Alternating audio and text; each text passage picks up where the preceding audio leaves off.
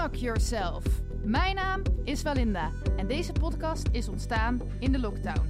In deze podcast interview ik inspirerende mensen over hun levenslessen en wijsheden. Vaak zijn dit coaches, kunstenaars, muzikanten, creatieve ondernemers en mensen die de wereld willen verbeteren. Dus luister je mee?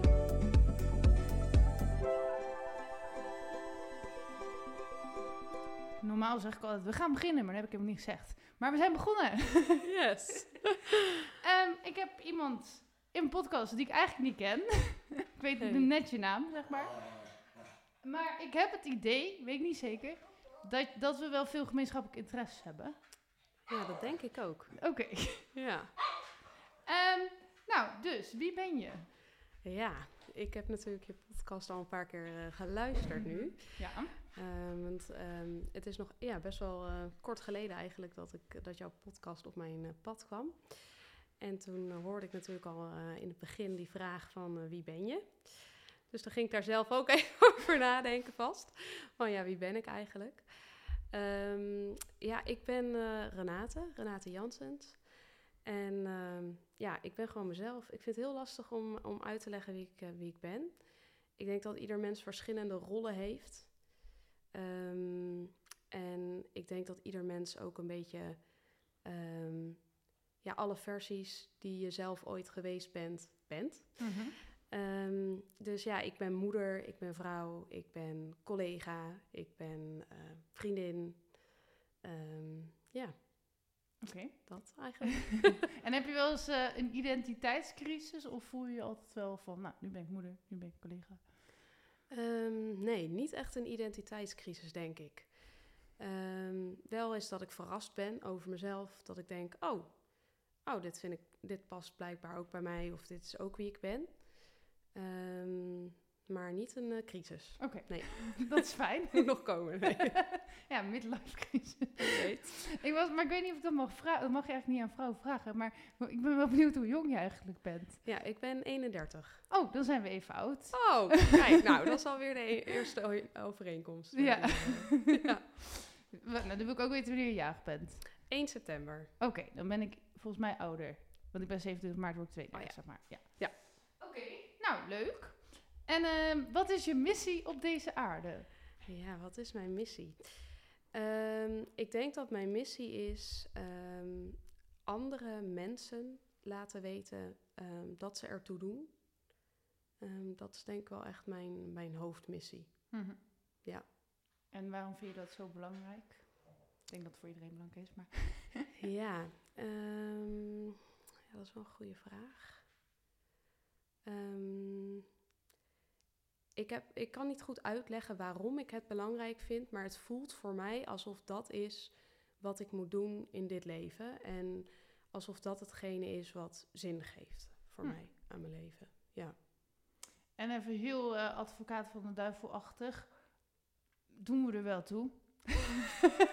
Want heel vaak zijn we toch ook gewoon best wel nutteloos. Ja, nou ik denk ook wel dat we in zekere zin eh, soms denken dat we ehm, veel meer zijn dan dat we eigenlijk zijn. Maar dat denk ik meer in het aspect van ehm, ja, dat mensen. Nou ja, stel je maakt een blunder alsof dat het eind van de wereld is. Dan denk ik, nee, we zijn eigenlijk maar een zandkorreltje. Ehm, maar aan de andere kant denk ik dat wij als mensen ook heel belangrijk zijn. Dus Ja. allebei. Allebei. ja. Ja. En maar waarom is dat het eh, aspect ertoe doen zo belangrijk eh, in verhouding tot het aspect dat we er niet toe doen? Mm, omdat ik wel denk dat dat hetgene is wat overheerst. Ja, ik denk dat het ook voor mezelf dan even. Want kijk, ik vind het zelf wel heel fijn om andere mensen het gevoel te geven dat ze ertoe doen. Maar soms is het ook wel eens voor mezelf handig dat ik denk: ach, wat maakt ook eigenlijk uit wat ik doe? Weet je wel? Want dan ehm, maak je je fouten minder uit, dan maak je je minder druk om dingen, Ehm, kan je beter loslaten. En dan maak je jezelf minder belangrijk, dus dan ben je misschien wel liefdevoller. Ehm, ja, misschien is dat waar. Mhm. Maar daar heb ik heel veel moeite mee om Oh. dat zelf te doen. Ja. Ja. Ik denk dat ik de lat voor mezelf heel erg eh, hoog leg daarin. Hmm. ja. Of dat altijd goed is, eh, dat denk ik niet per se. Nee. Ehm, maar dat is wel eh, de huidige status. Ja. ja. Nee, dat, dat herken ik zelf eigenlijk wel. Maar daar ben ik wel zo vaak kapot op gegaan, zeg maar. Dus dan Ja. denk ik van, nou, dan is het soms wel eens fijn om er even niet toe te doen. Want dan, dan uiteindelijk, ja, krijg je het tegenovergestelde soms. Ja. niet altijd. Ja. Ja, nou ja, ik, als ik naar mezelf kijk, ehm, denk ik ook wel dat het eh, voor mij een valko is om over mijn eigen grenzen heen te gaan. Mhm. Ehm, maar dat leer ik wel steeds meer. Ehm, het is niet zo dat ik jezelf iets voor een ander kan betekenen als je zelf niet meer overeind staat, snap je? Nee, daarom. Dus dat is wel iets wat ik me nu wel steeds meer begin te beseffen. En eh, ja, soms ook op een niet zo leuke manier, zeg maar. Ehm, ja, dus dat is wel. eh, Maar heb je dan ook, ehm, we zijn eigenlijk gelijk al heel diep, maar dat vind ik altijd leuk. eh, dat je, nou, ik, volgens mij heb je ook iets met christendom. mhm. horen we straks meer over waarschijnlijk. Uh, maar vroeger, toen ik dus veel meer mezelf identificeerde als christen, Mhm. ging ik veel meer voor andere dingen doen die ik eigenlijk niet per se wilde. Maar dan dacht ik, ja, dat, dat je, dat Jezus zegt dat we alles voor elkaar over moeten hebben en onvoorwaardelijk lief moeten hebben. Dus dan stond ik daar, ehm, weet ik veel, bij de kopieermachine als stagiaire de hele dag te kopiëren voor iedereen. en dan durfde ik daar dan niks van, of nou durfde. Ik dacht, ja, ik moet uit liefde voor Jezus moet ik dit allemaal voor iedereen doen. Maar ja, daarin kunnen mensen natuurlijk ook heel makkelijk misbruik van je maken. Herken je zoiets of heb je dat helemaal niet? Ehm, ja, ik herken dat denk ik wel deels. Ehm, ja, ik, ja, ik ben christen, maar Mhm. ik zit hier niet om eh, te evangeliseren. Mhm. Ehm, ja, ik, ik denk ehm, een- nu ongeveer anderhalf jaar geleden of zo ben ik in een burn-out terechtgekomen. Mhm. Ehm, dus daar liep ik wel echt tegen een, een muur aan. Ik heb niet zo heel erg het gevoel dat God van mij verwacht, of de, het idee dat God van mij verwacht dat ik mezelf helemaal wegcijfer en dat ik eh, maar zoveel mogelijk voor een ander moet doen in dit leven. Ehm, omdat ik ook niet geloof dat dat hetgene is wat, eh, wat mij verder gaat brengen of zo. Alsof dat het pad is wat ik moet volgen. Ehm, ik denk dat het juist dat het helemaal niet gaat om wat ik maar doe allemaal. Want, ehm, maar zit even terug te gaan. Want we gaan inderdaad. eh, we gaan, goh, we gaan, vrij diep in deze enkele minuten. Dus Ja. ik moet soms even nadenken van eh, waar zit ik op mijn, mijn spoortje. Maar ehm, ja, nee, ik heb niet het, om even kort antwoord te geven, nee, ik heb niet het idee dat God van mij verwacht dat ik mezelf eh, maar alleen maar geef of zo. Nee. Nee. En ik zie ook wel dat het echt belangrijk is om zelf overeind te blijven staan en om ook zelf genoeg lol te hebben in het leven. Mhm. Want anders wordt het een lange, zware rit, denk ik. Ja. ja. En ehm, ehm, als je weer wat luchtig wil, moet je gewoon even het luchtonderwerp. Maar heeft God, zeg maar, heeft God verwachtingen van je en zo? Ja, wat dan? Ehm, ja, kijk, ik ben, ik ben geen theoloog of Mhm. zo. Dus soms denk ik zelf ook van, jongen, zit ik, heb ik dat eigenlijk wel goed? Ehm, ik ben wel heel erg een gevoelsmens, dus ik leef wel heel erg vanuit mijn eigen gevoel en wat ik dan denk dat goed is. En wat ik dus denk dat, eh, dat eh, God ook, ehm, ja, waar ik hem eh, mee behaag, zo noem ik het maar even. Ehm, even terug naar je vraag. Ja, dus, dus eh, want je zei van, ik denk niet dat God verwacht dat, Nee. nou ja, dat je, ik weet niet precies hoe je het zei, maar allemaal dingen voor mensen doet, zeg Nee. maar. Nee. Dus niet een soort please gedrag ten koste van alles. Nee. Wat denk je dat God wel verwacht of verwacht hij in principe niks? Mm, ik denk dat God. ehm, nou, ik denk niet dat hij iets verwacht. Want als hij heel erg iets zou verwachten, denk ik, dan ehm, zag dit leven er niet zo uit zoals het er nu uit zou zien met iedereen die een vrije wil heeft en eh, zelf kan kiezen waar hij gaat en staat en wat hij of zij doet. Ik denk wel dat God er heel blij van wordt als, als ik met hem ehm, het contact blijf zoeken. Mhm. Eh, en God meeneem in de keuzes die ik maak. Ehm, ja, dus eigenlijk meer eh, betrek bij mijn leven. Mhm. Ik denk dat dat is wat, waar, ja, waar ik God wel blij mee maak. Ja. Ja. Ja, dat klinkt wel echt als een relatie. Nee, nee maar Ja. ik bedoel Ja, precies. in principe, eh, ja, ook gewoon in een liefderelatie of met wie dan ook in een relatie, zou dat eigenlijk het mooiste zijn als we helemaal niks van elkaar verwachten, maar het wel leuk vinden als we, als we eh, het contact onderhouden of dingen voor elkaar doen, zeg maar. Ja, precies. Ja. Eh, ik zit even te denken, want ik heb nu het gevoel dat je ongemakkelijk wordt omdat ik zo diep ga. Nee. dat niet. Nee, het Oh. is meer dat ik soms even zoek van, ehm, ja, hoe moet ik het zeggen? Eh, kan ik het allemaal goed onder woorden brengen en eh, volg ik het verhaal nog, zeg maar. Oké. Dat, dat, dat is meer, eh, ja. Nou, je zegt tot nu toe nog niks geks hoor. Nou, en dan fijn. zeg je wel wat geks, dan hebben we weer wat Ja, nieuws te luisteren. precies. Ehm, ja, je schreef, ja, dat is bijna hetzelfde. Nou, je schreef op je Instagram dat je graag mensen raakt of geraakt wordt. Maar dat Ja. is volgens mij bijna hetzelfde wel als, of vind je dat anders? Dat als, ehm, wat zeiden we net?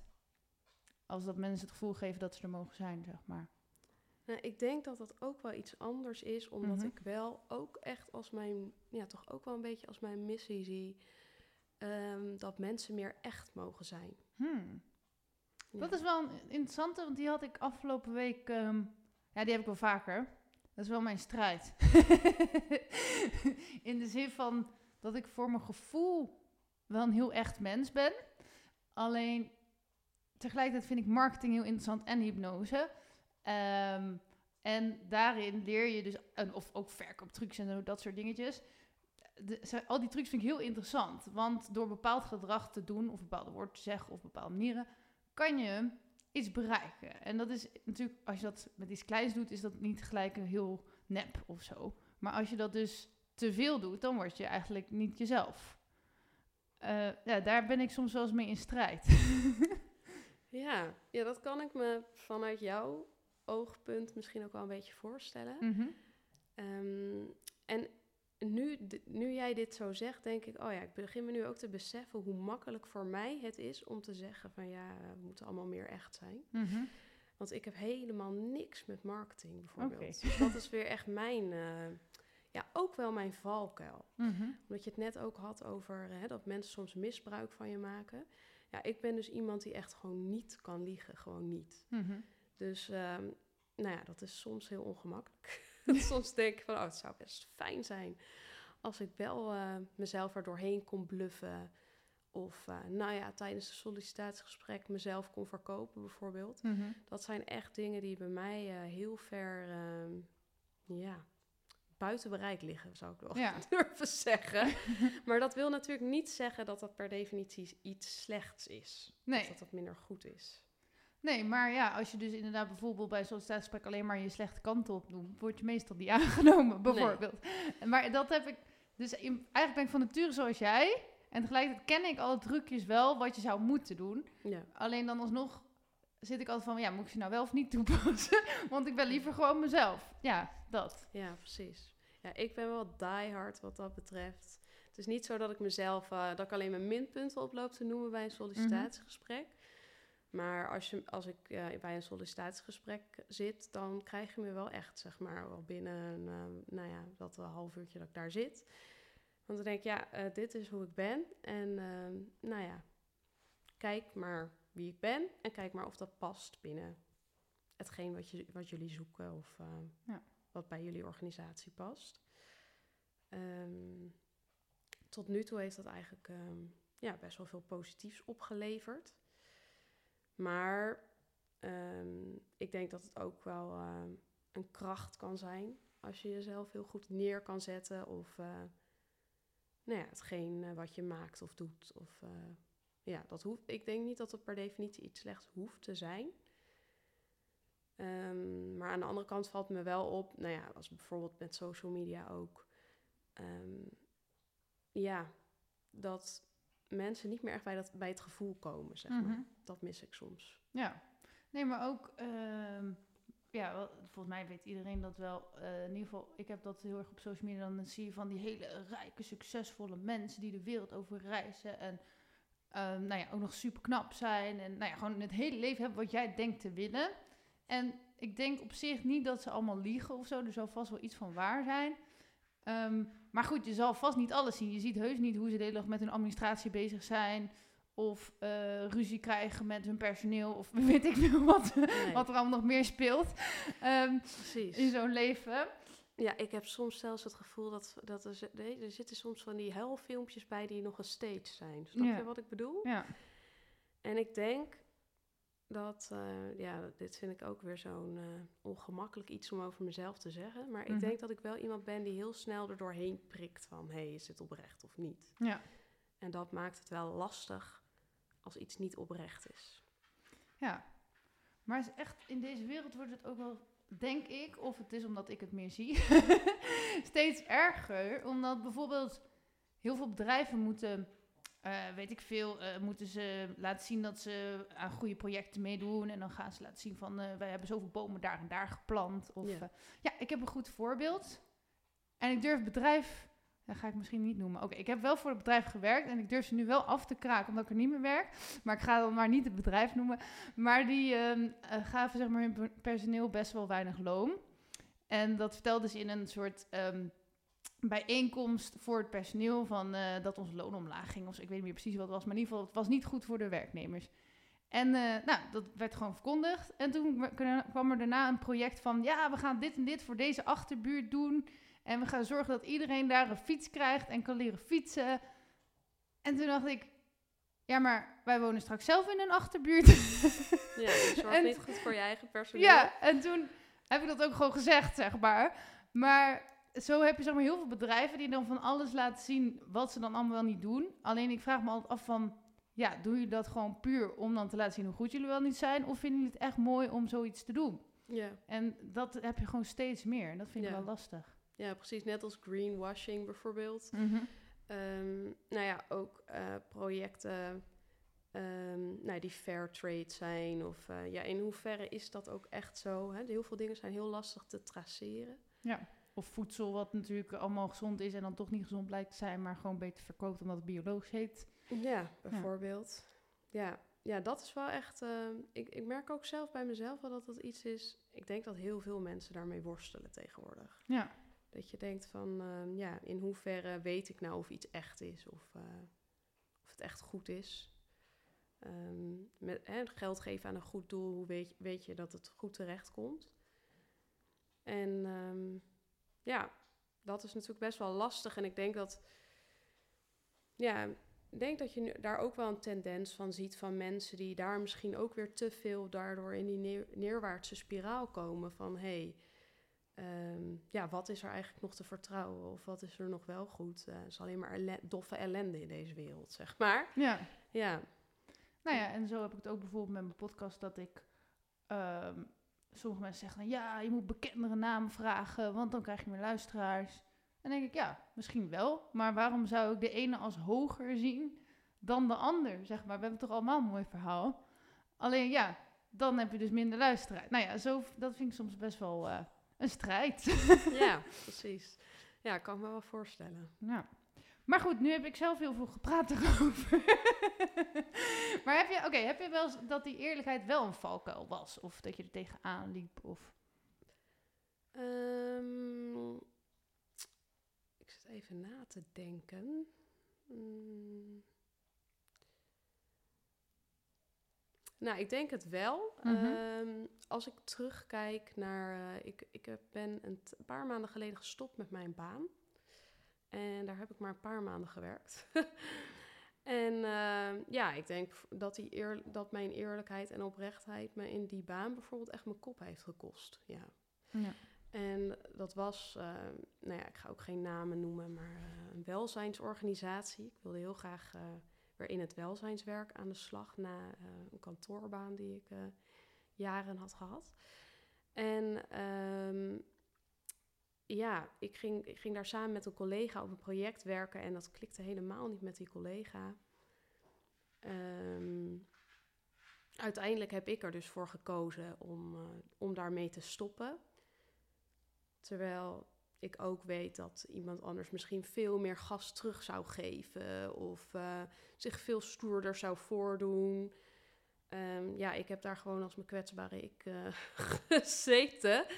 En uiteindelijk eieren voor mijn geld gekozen, zeg maar. Bijvoorbeeld. Ja. En, en soms denk ik ook wel eens van, nou ja, hoe zou het uitpakken als ik dingen anders zou aanvliegen of uh, mezelf veel sterker zou kunnen neerzetten.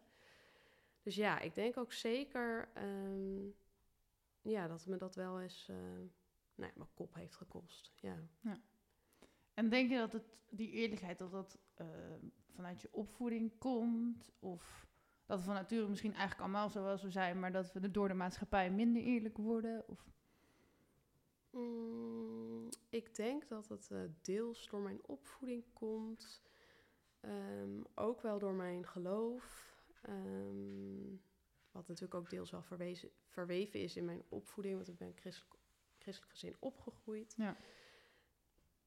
Um, ik denk niet per definitie dat iedereen zo is als je kind bent of klein bent. Ik werk nu ook weer met kinderen. Ik heb zelf ook kinderen. Dus nee, dat denk ik niet. Ik denk dat het toch ook een soort stukje toch wel van mijn identiteit is dat ik gewoon heel graag oprecht wil zijn of zo. Ja, ja. En ik vind dat dus ook heel belangrijk in andere mensen. Mhm. Ja. Maar waar zit de, ja, dat is ook een hele brede vraag, maar waar zit de grens van oprechtheid en eerlijkheid? Want zeg maar iets verbloemen is ook weer anders dan liggen. Ja, nou ja, ik denk ook, hè, je hoeft echt niet aan iedereen uh, te vertellen uh, hoe jij je voelt of uh, wat er in je omgaat en wat je allemaal meemaakt of zo. Mm -hmm. um, maar ook daarin kun je denk ik nog steeds oprecht zijn. Um, ik denk dat oprecht ook dat we dat een beetje los moeten koppelen van aardig zijn. Mm -hmm. Want dat heb ik soms ook wel een beetje in deze wereld. Dat ik denk, ja, we moeten allemaal maar heel erg aardig tegen elkaar zijn. Um, terwijl dat ook niet per definitie oprecht is. Mm -hmm. um, dus ja, waar ligt de grens? Is denk ik, ja, is er, is er een grens aan uh, zoveel mogelijk jezelf zijn? ik, ik, denk het niet. Ik zou het heel mooi vinden als die uh, grens er zo min mogelijk is, eigenlijk. Ja. Maar dan kan je het ook niet fout doen, maar dat kan dus misschien ook niet. nee, en soms zit ik daar dus ook wel over te fantaseren, want dan denk ik, ja, uh, ik bedoel, uh, een pyromaan uh, is heel erg oprecht als hij de hele boel in de hand steekt, zeg maar even. Dus soms zit ik ook, kan ook heerlijk nadenken over, ja, welke regels moeten we dan hebben in, in dit land, om het even klein te houden, of op de wereld, of ja, want die regels zijn daar ook wel weer nodig. Ja. Ik vind het woord oprechtheid, je bent ook een schrijver en volgens mij een dichter, toch? Uh, vind ik wel een heel mooi woord. Want ja, ik weet het, het is toch tegenovergestelde van krom. Juist. Oprechtheid. Ja, en ook van, van dat je er recht op hebt of zo. Ja, ik weet niet. Het voelt voor mij wel als herstel de wereld in haar echtheid ook of zo. Ja, ja. ja, ik weet niet of dat zo is, maar zo voelt het voor mij, dat woord. Ja, nou ja, nu je dit zo zegt, ik denk dat dat ook wel een beetje is waar ik op zoek, naar op zoek ben. Mm -hmm. zo. Ja. ja. Maar um, raken. ja. Wil je daar nog iets over kwijt? Um, ja, ik denk dat ik, ik wil graag raken om dus te verwezenlijken dat mensen zichzelf kunnen zijn. Ja. En daardoor stel ik mezelf ook graag bloot, zeg maar, en open. Omdat ik hoop dat dat, al oh, is dat maar een klein uh, flintertje, dat iemand zelf ook die ruimte voelt om dat meer te doen. Ja. Dat zou ik heel mooi vinden. Ja. ja.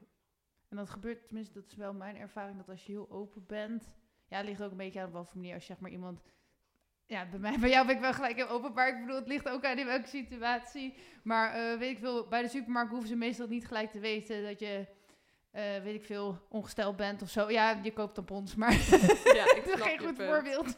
maar nee, in ieder geval, meestal... Je niet gelijk aan iedereen uh, te vertellen hoe de vlag erbij hangt ja. vandaag. uh, en dan tot in de details vooral. Maar als je dus, um, nou ja, gewoon een redelijk gezonde ges gespreksopbouw hebt... en je bent dan open, is mijn ervaring dat andere mensen vaak ook wel heel open zijn. Dat vind ik wel heel mooi.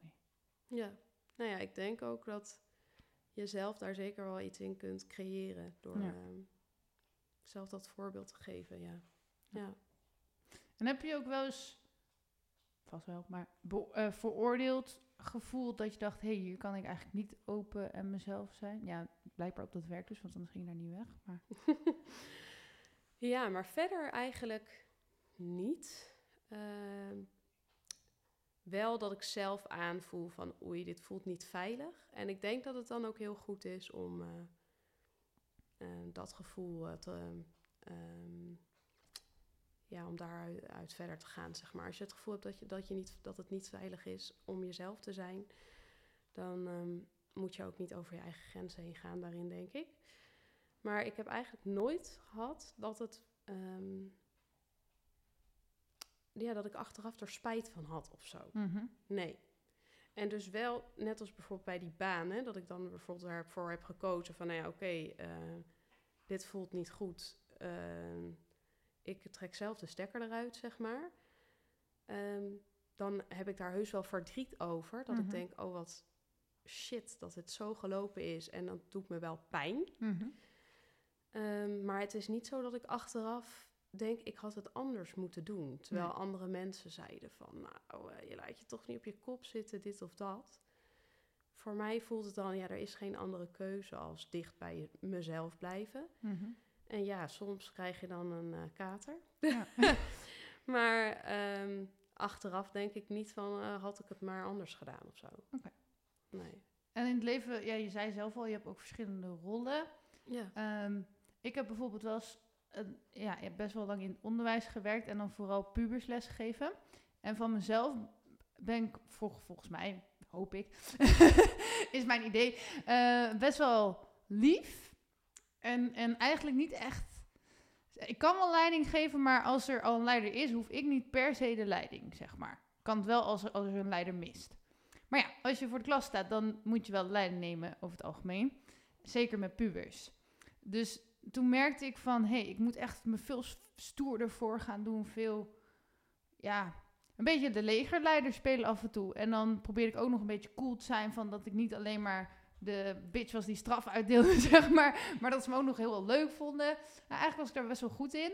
Maar in hoeverre ben je dan nog jezelf, hè? Als je dus voor zo'n rol aanpast. Of heb, herken je dat helemaal niet? Misschien. ja, ik herken dat ook wel. Oké. Ja, ik heb ook wel een baan gehad waarin ik dacht van, pff, wat doe ik hier eigenlijk? Zeg maar. Ja.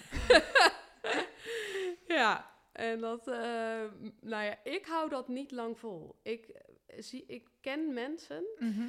ook in mijn nabije omgeving, die dat jaren volhouden. Mhm. Nou, ik vind het knap, eh, want ik kan dat echt niet. Ehm, en ja, ik vraag me ook af in hoeverre dat gezond is en in hoeverre je daar eh, gelukkig van, van wordt.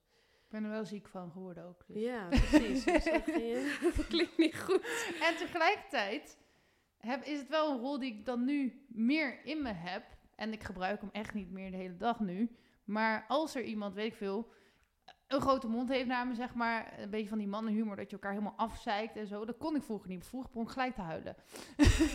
en nu heb ik altijd wel wat teruggezegd. Want ik heb elke puber van Nederland, heb ik zeg maar gedist. Nee. Maar dus ja, dat kan ik dan nu wel goed, zeg maar. Dus ja, dat is dan wel een onderdeel van mezelf geworden. Ja, misschien is dat toch ook een kwestie van als je ge- een gevoelig mens bent, dat je ja, toch een soort eh, dikke huid eh, ontwikkelt of zo. Ja. Ik denk dat je dat ook wel kunt leren of dat je, je huid wat dikker kan worden. Mhm. Ehm, ja, en ervaring opdoen. Ja. ja.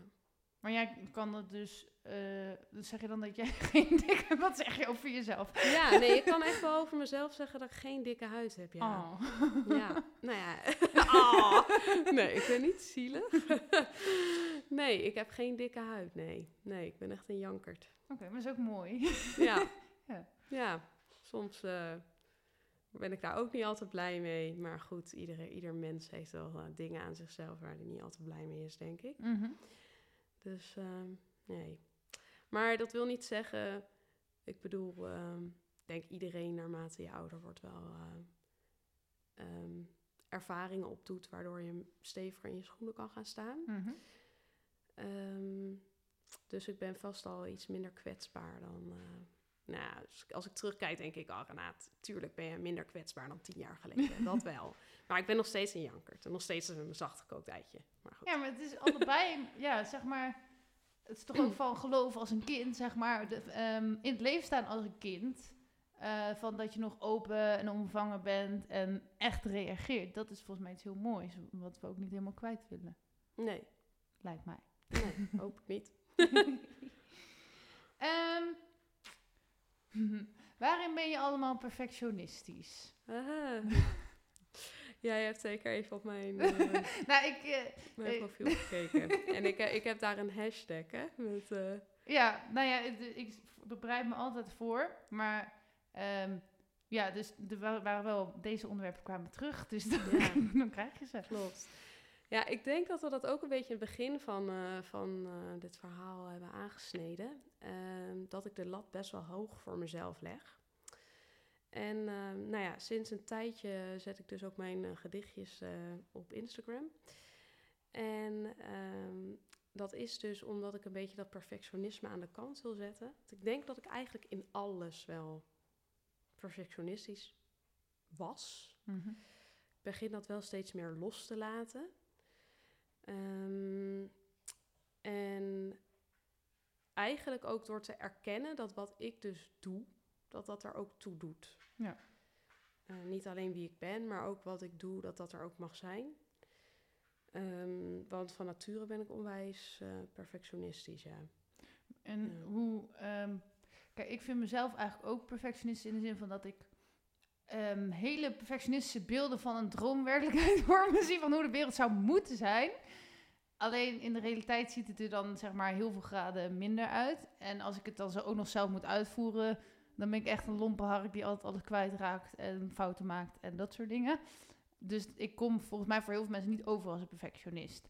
Omdat ik dan meer over als, kom als een chaot. In hoeverre kan jij je perfectionisme waarmaken? Oei, dit is een goede vraag. Want van, ik ben ook een ontiegelijke chaot, Ja. namelijk.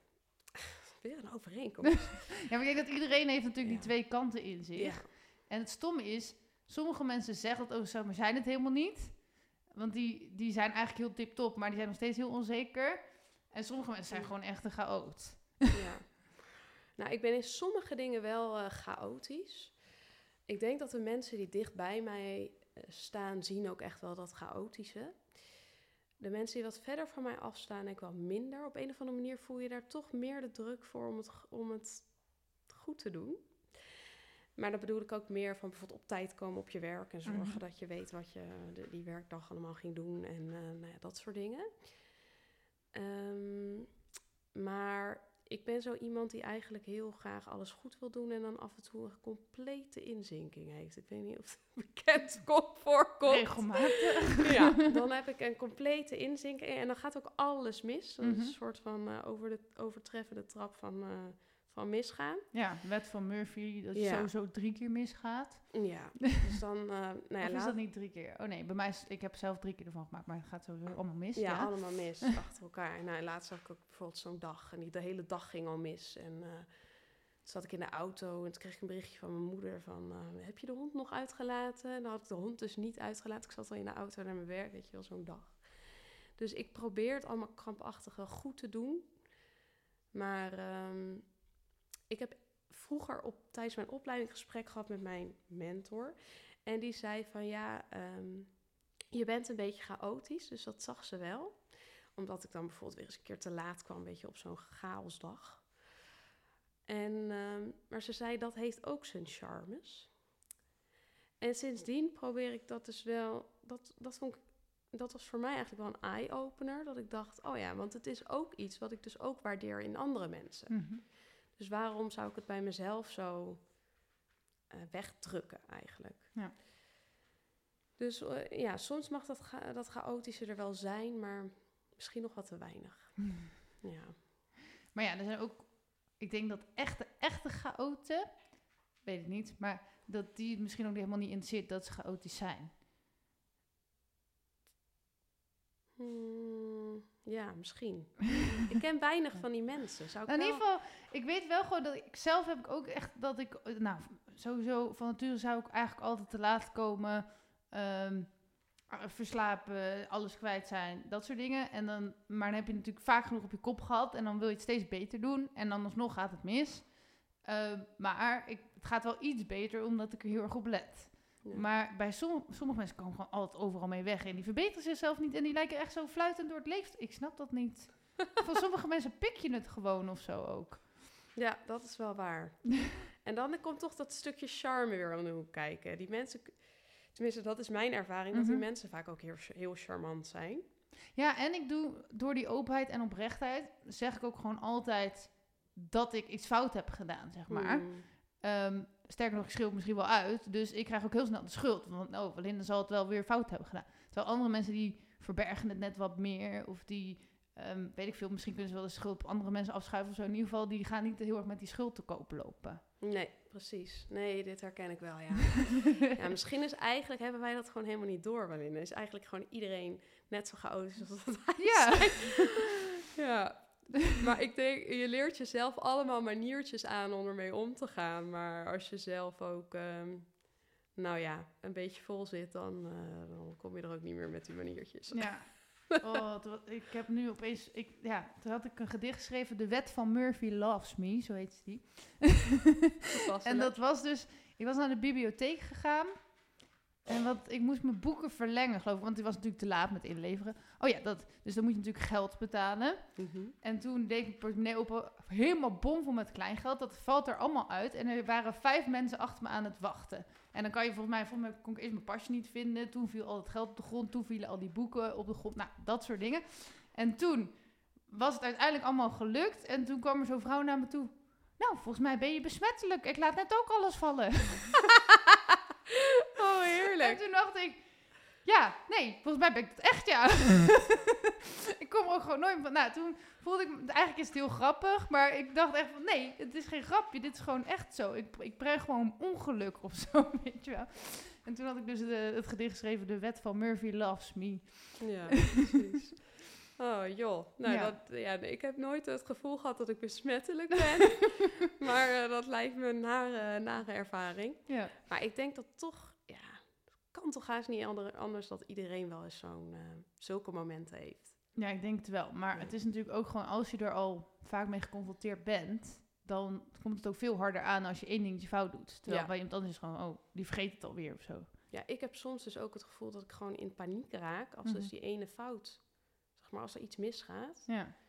Dat ik dan ehm, een soort van krampachtig probeer van... eh, met een soort bijgeloof van hoe kan ik dit weer een soort van omdraaien? Dat, hoe kan ik dit eh, weer tegengaan? Dat het eh, de rest van de dag wel goed gaat of zo. Mhm.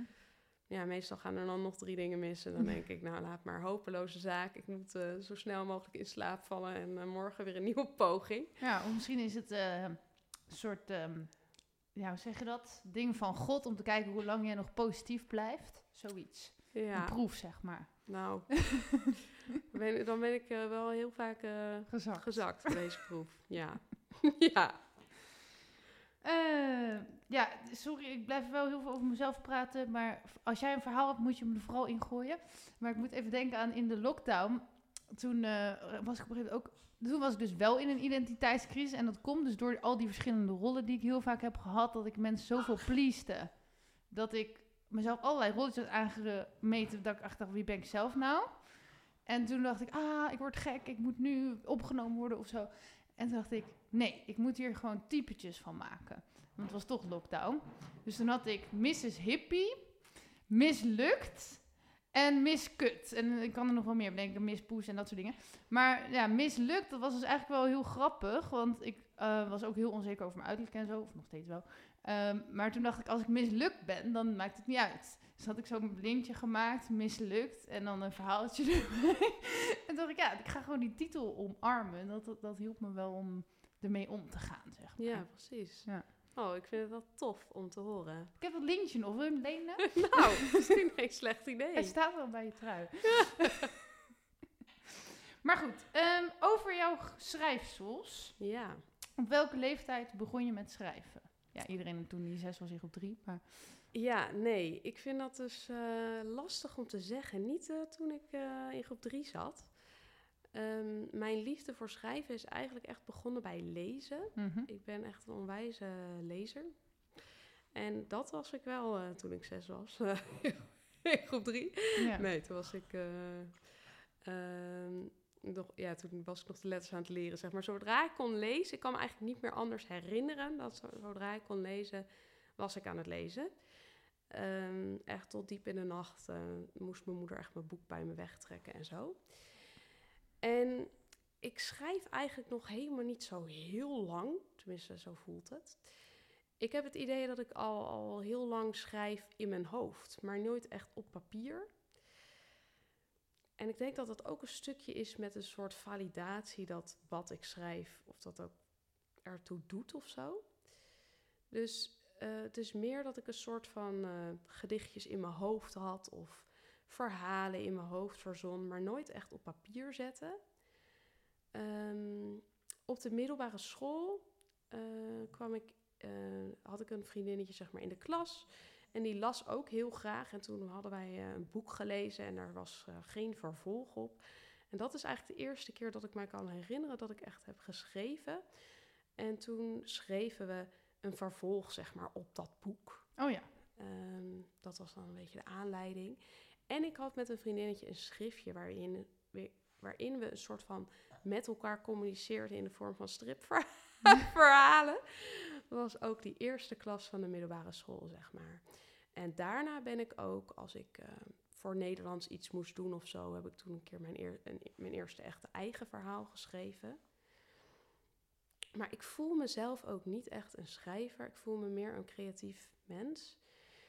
eh, die dat graag doet door te schrijven. Maar ik schilder bijvoorbeeld ook Oh ja. graag. En nou ja, ik doe eigenlijk heel veel eh, creatieve dingen die ik leuk vind om te doen. Ehm, Als je geknor hoort, dat is de hond trouwens. Ja, anders Ja. denken ze misschien dat jij dit het zit te knorren in Ja. die microfoon. ik zit ondertussen even lekker de hond eh, te kriebelen hier. ja, dus... nou, eh, hij vindt het heerlijk. ja, nee, dus, dus dat eigenlijk. Dus het- het vroegste wat ik me kan herinneren dat ik echt mijn eigen verhaal schreef, was dus in de eerste van de middelbare. Ja. Ja. En toen ben je toen doorgegaan daarmee? Of, want je hebt nu natuurlijk die verhaal, of ja, gedichtjes eigenlijk op Instagram. ja. Ehm, is dat het eerst dat je ermee in de buitenwereld treedt? Of hoe eh, moet ik dat zien? Nou, ik schreef wel ook, ehm, maar dat heb ik dus ook allemaal niet bewaard, want zo'n perfectionist ben ik dus. Eh, schreef wel liedjes ook al eh, een beetje rond die tijd. Niet echt meer verhalen. Ehm, en eigenlijk pas sinds, nou, ik denk nu een jaar geleden, eh, kwam ik ineens op een idee voor een kinderboek. Eh, ik heb dus zelf twee kinderen en toen dacht ik, nou, dit popte een verhaal in mijn hoofd op. Ik dacht, dit moet, hier moet ik echt iets mee doen. Het is eigenlijk voor het eerst dat ik dacht, hier moet ik echt iets mee doen op papier. En ehm, daarvoor schreef ik ook dus wel liedjes en gedichten en zo, maar daar deed ik dus niet echt concreet iets mee. En dit was de eerste keer dus dat ik dat kinderboek schreef, dat ik dacht, oh, hier, hier wil ik echt iets mee. En sindsdien dacht ik van, nou, ik, eh, ik moet het niet alleen hierbij laten. Ik moet gewoon doorgaan met schrijven, ook al vind ik het zelf dus niet eh, allemaal heel goed. Verre van. Ehm, maar het is wel ehm, ja, wat er in mij opkomt en wat ik op papier wil zetten. Dus ik ga het maar gewoon doen. Ja. Ja. Maar wat heeft nou doen besluiten dat je dat opeens wel kon? Ja, ik denk dus dat ik dus... Ik liep dus bij die vorige baan heel erg tegen een muur op. Mhm. Ehm, en eigenlijk denk ik dat dat ook een beetje het keerpunt was van... eh, te lang, dat het me eigenlijk duidelijk werd dat ik te lang eigenlijk mijn eigen hart niet aan het volgen was. Ehm, toen ben ik een beetje gaan eh, zelf onderzoeken van... eh, maar hoe kom ik daar dan? Van meer doen wa- waar mijn hart ligt en wat ik zelf wil doen. En dus niet doen wat ik denk dat anderen willen dat ik doe, of wat er van mij verwacht wordt, of waarmee je geld in het laadje brengt, of goed voor je gezin kan zorgen. Nou ja, allerlei, allemaal overtuigingen eigenlijk die ik zelf had. Ehm, dus dat is eigenlijk ook een beetje verweven met, nou ja, dat ik in die burn-out terecht kwam, ondertussen een loopbaantraject ben gaan doen, waar ik bij vervolgens weer compleet voor de verkeerde baan ben gegaan. Hoe is het mogelijk? Maar goed. Daarna gesprekken met een maatschappelijk werker ook gehad. ehm, waarbij ik daarna weer voor, dus voor de verkeerde baan heb gekozen. Maar was het dan dat je echt dacht dat je dat wilde? Of was meer, er was niks anders en je dacht, nou, ik kies nu maar dit? Nee, ik heb me mezelf aardig wijs gemaakt dat dat was wat ik wilde. Hm. Knap, hè? Ja. ja, want daar- ik, kies ik ook wel eens een baan waarvan ik weet dat het eigenlijk niet bij me past, maar dat ik dan denk, ja, dit is voor nu even het handig, zeg maar. Ja, nee, dat was nu echt niet het geval. Oké. Ben echt heel erg eh, zoekende geweest. En gewoon tegen muren aan gaan lopen. En, en nu denk ik ook van, ja, fijn toch? dat dat zo kon gaan eigenlijk. Want eh, anders had ik het van tevoren allemaal weer uitgedokterd. Maar nee, ik, eh, ik dacht dat ik het allemaal uitgedokterd had. Maar dat bleek helemaal niet zo te zijn. Mhm. En ehm, ben veel te veel uitgegaan wat andere mensen tegen mij zeiden. Of, of mijn eigen overtuigingen die helemaal niet kloppen eigenlijk. Hm, Ja. Oké. Dus, maar je wist diep van binnen eigenlijk wel wat wel paste. ja, ik denk dat diep van binnen, binnen ieder mens wel weet ehm, wat hij moet doen. Ja. ja. Dus ik denk dat ik diep van binnen ook echt wel wist wat ik moest doen. Maar ik gaf mezelf daar niet de ruimte voor. En dan zit je eigenlijk jezelf compleet in een maling te nemen. En wat moest jij dan doen? Is dat dan dat schrijven van dat boek en, en die rijmpjes, zeg maar? Of, want daar, ik, ik bedoel, ik vind het leuk dat je maakt. maar er is dan niet gelijk van, tada, hier heb je een baan, zeg maar, over het algemeen. Nee, klopt. En dat is ook, ehm, ik, het is ook niet dat ik daar in mijn werken of mijn baan eh, zoek of zo. Nee. Ehm, ik doe nu gewoon een beetje van alles en nog wat. Ja. En ehm, dat bevalt me eigenlijk dikke prima. Ja. en ik denk dat dat ook een beetje de overtuiging loslaten is van dat ik ehm, een bepaald iemand ben of moet zijn. Of nou ja, ik moet een, dan een, schrijver zijn. Nee, ja, ik weet, het, ik durf mezelf ook niet echt een schrijver te noemen. Ik ben gewoon mezelf en vroeger vond ik dat ook heel frustrerend dat ik dacht, nou, ik ben overal een beetje goed in. Nou, lekker dan. Kan je net niks mee, zeg maar dat. Mhm. En nu denk ik, ja, nou, dan ben ik maar overal een beetje goed in. En eh, nou ja, dan is er misschien maar eh, één persoon op deze wereld die mijn gedichtjes leuk vindt. En dat is mijn echtgenoot. Mhm. Nou, ik vind ze Eh, dus ook leuk. Dank je. maar ik probeer dat echt een beetje los te laten. Probeer los te laten welke kant ik op moet gaan. En ja, dat, ik hoef ook niet mijn brood te verdienen met, met schrijven of zo. Nee. Ik kijk gewoon waar het me gaat brengen. En eh, probeer gewoon te doen wat ik leuk vind. En eh, waarin ik voel van, ja, dit moet ik doen. En maar zou je, ehm, zou je een schrijver willen zijn? Want je zegt van, ik durf mezelf niet zo te noemen. Ja, ik denk ehm, dat ik wel schrijver zou willen zijn. Ja, want ik ben natuurlijk ook al heel vaak, dat, ik moest lachen, want ik was eh, nog even een andere podcast van jou aan het luisteren. Ja. En dan hoorde ik ook al iemand zeggen van, eh, ja, ik ben al aan heel veel boeken begonnen, ik heb ze allemaal nog niet afgemaakt. nou, ik zou zeggen, leg de lat eh, laag, schrijf een kinderboek, die zijn snel af. Dus dat, ik heb in ieder geval één boek afgemaakt. ik zou wel heel graag, dat heb ik ook, dat roep ik ook al, ja, ik zou echt wel heel graag een boek af willen maken. Ehm, maar die heb je nu dus afgemaakt, het kinderboek. ja, kinderboek, maar ik zou ook heel graag nog een, een roman af willen maken. Ehm, maar ik weet ook niet, ja. Kijk, van oorsprong, ik heb SPH gestudeerd, dus van oorsprong ben ik social worker. Maar ik zeg ook tegen niemand van ja, ik ben sociaal werker of ik ben social worker of zo. Mhm. Ik denk dat het voor mij ook een dingetje is dat ik het gewoon heel erg benauwend vind. Ja, om een titel te hebben. Ja, Ja. ik weet niet of je dat herkent. Ehm, nou, ja, ik heb mezelf natuurlijk, ik weet niet of je dat weet, zinggever genoemd. Eh, en dat, dat heb ik dus gewoon jaren over nagedacht. Want ik dacht, er moet een... Want iedereen zei, ja, je bent hier ergens voor op aarde. Of tenminste, dat las ik dan, of dat hoorde ik. En dan dacht ik van, oké, dus ik ben hier ergens voor op aarde. Dus er moet een roeping zijn voor ik hier ben. Oké, Maar ik vind dit leuk en ik vind dat leuk en ik kan dit goed en dat. Maar nee, dat past niet. En toen ben ik dus heel lang gaan nadenken van wie ben ik dan, wie ben ik dan? En toen uiteindelijk kwam ik dus op het woord zinggever. En dat past nog steeds het allerbeste voor wie ik ben. En ja, ik vond het dus fijn. Ja. Want dan kon ik eigenlijk zeggen, ja, ik ben gewoon dit. Maar ja, iedereen kijkt je alsnog raar aan van, dat bestaat helemaal niet. Maar ja, het bestaat wel, want hier zit namelijk een zinggever. Juist. ja, nou wie weet kom ik ook nog een eh, passende term voor mezelf tegen. ja. Maar tot nu toe heb ik nog niet iets gevonden waarvan ik denk van... hé, hey, daar identificeer ik me mee. Nee. Maar ik vind zinggever wel een... eh, past ook wel bij jou. Dank je. nou, toevallig ben ik dat ook. Nee, maar, nee, maar het is wel... Oké, ik noem mezelf ook best wel eens zangeres en zo, of al die andere titels. Want dat snappen mensen soms beter. Zeg maar, als, ja, als ik ga zeggen, ik ben zinggever, ik wil graag optreden, dan weten mensen niet altijd wat je dan komt doen. Of je een preek komt houden. Of, eh.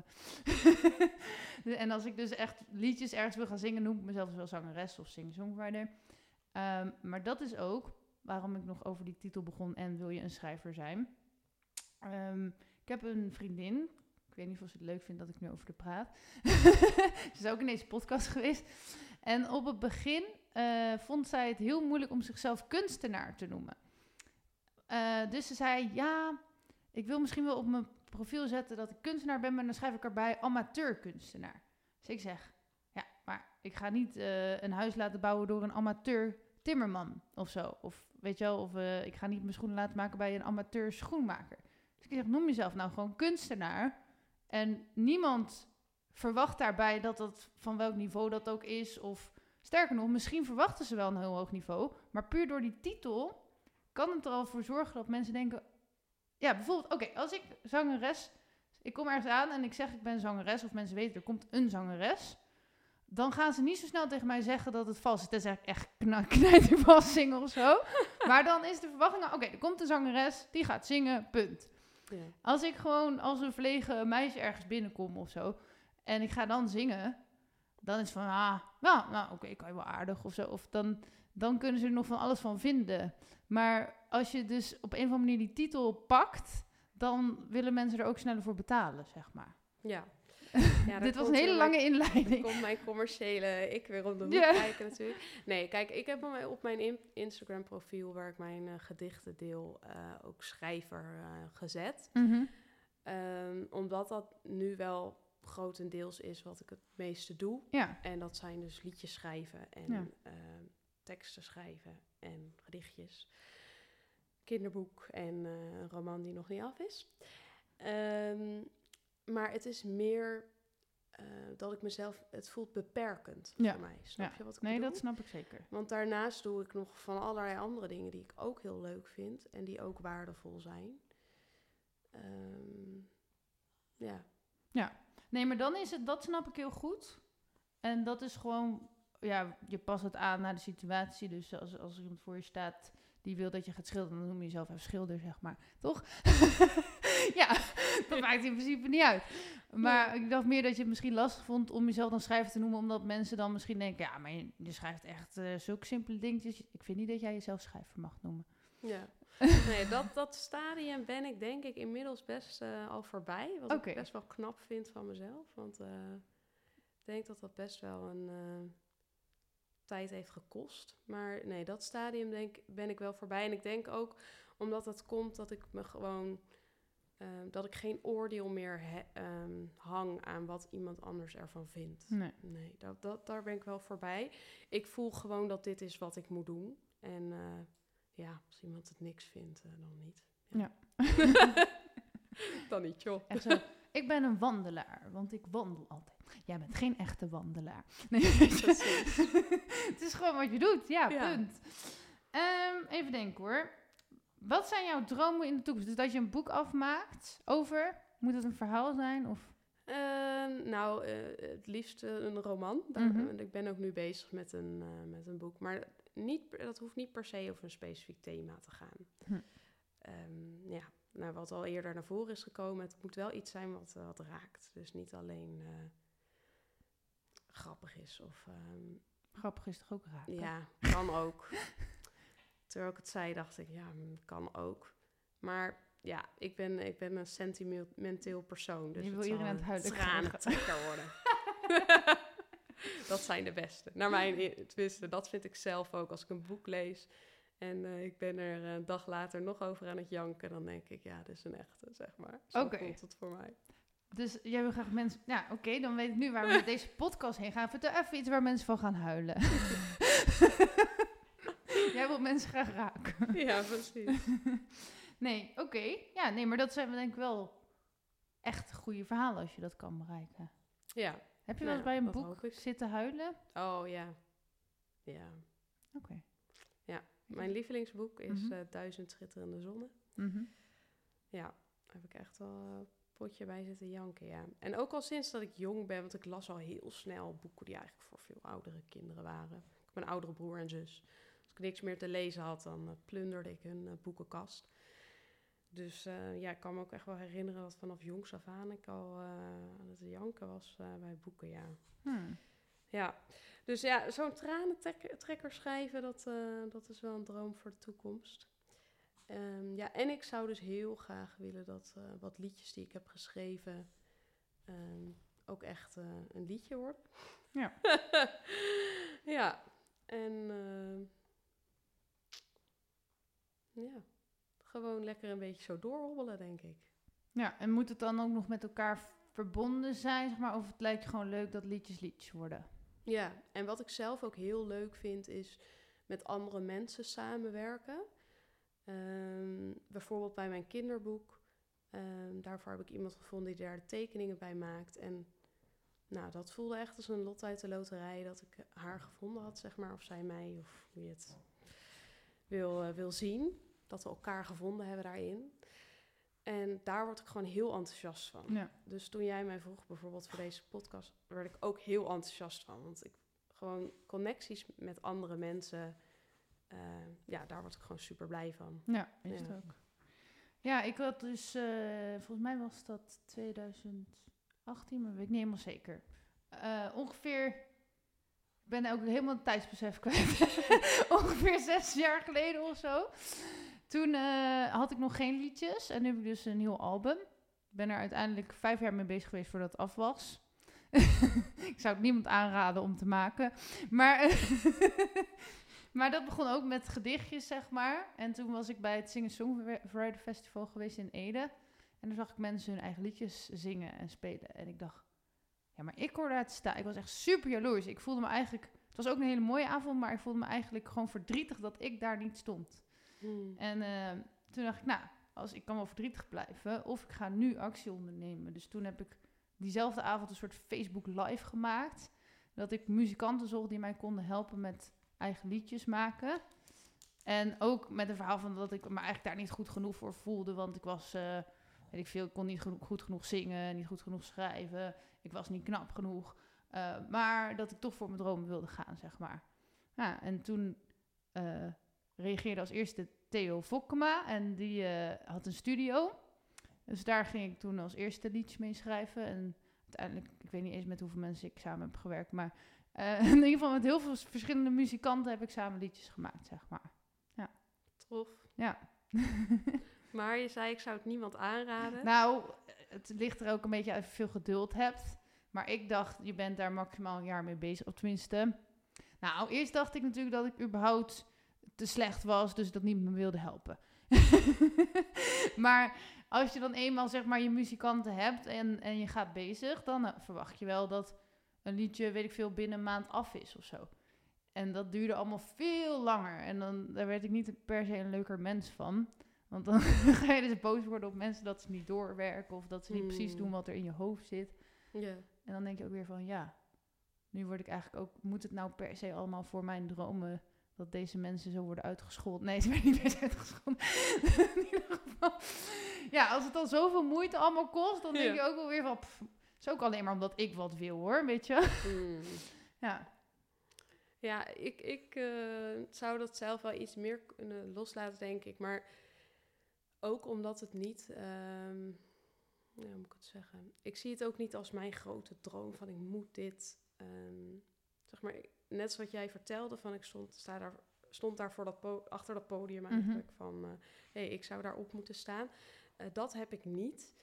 Ehm, maar ik herken wel wat je zegt van dat ongeduld. Nou, bijvoorbeeld bij een kinderboek. Hè. Kinderboek heb ik afgeschreven. Uh, nou, illustrator is daar ook mee aan de slag gegaan. Nou, dan ga je het bij uitgevers uh, indienen. En dan kan je drie maanden minstens wachten voordat je iets hoort. Ja, die tussenliggende periode is niet leuk. Nee. maar goed, dat, dat hoort erbij. Uh, dus ik snap wel een beetje dat ongeduld. Ik weet ook niet hoe, hoe, in hoeverre me dat gaat bevallen. En bij sommige mensen gaat het veel sneller dan bij mij. Hè? Dat is ook weer verschillend natuurlijk, afhankelijk van factoren en met wie je samenwerkt. Ja, precies. En ik, ben, ik zie mezelf ook niet op een podium per se staan. Hmm. Het is niet zo dat ik mezelf niet uh, een liedje hoor zingen of zo. Mm Maar het is niet zo dat ik alle liedjes die ik schrijf zelf zou willen zingen. Hmm. Um, ik zou het ook heel leuk vinden als iemand anders dat zou uh, willen zingen. Oh ja. Um, maar het gaat me meer om het liedje wat ik in mijn hoofd heb. Mm -hmm. Want ik, ik, heb, ik hoor wel de muziek in mijn hoofd, maar ik uh, kan alleen een beetje uh, improvisatie-show houden op mijn uh, gitaar, waar ik heel vroeger wat lessen voor gehad heb. Dus dat is, het is niet zo dat ik mezelf op zo'n podium zie, dat nou, misschien wel enkele. Mm -hmm. um, maar ik weet ook gewoon, dat is gewoon realistisch nadenken, dat mijn stembereik niet dusdanig is dat alle liedjes die ik in mijn hoofd hoor, dat ik die uh, goed zou kunnen overbrengen, zeg maar. Nee. Maar goed, dus ja. Ik zeg wel nee, maar ik heb natuurlijk nog nooit heel zingen, dus ik heb geen idee. Misschien vind je de stel Nee, je dat aan. is gewoon, uh, ik zing gewoon uh, prima, maar niet, uh, um, ja, gewoon echt hoge stuk of zo zou ik niet halen. Dus, Nee. Terwijl ik wel dan in mijn hoofd heb van, oh, zo moet het klinken, weet je wel. Mhm. Dus dan uh, zou ik er liever iemand bij zoeken die, die dat wel heel leuk vindt en kan. Ja. Um, ja. Maar um, hebben al die liedjes één thema of dat maakt allemaal niet uit? Het is meer gewoon dat jij creatieve liedjes in je hoofd hebt die je graag de wereld inbrengt. Uh, het is wel allemaal een beetje hetzelfde genre, mm -hmm. maar uh, niet één hoofdthema of zo. Nee. Nee.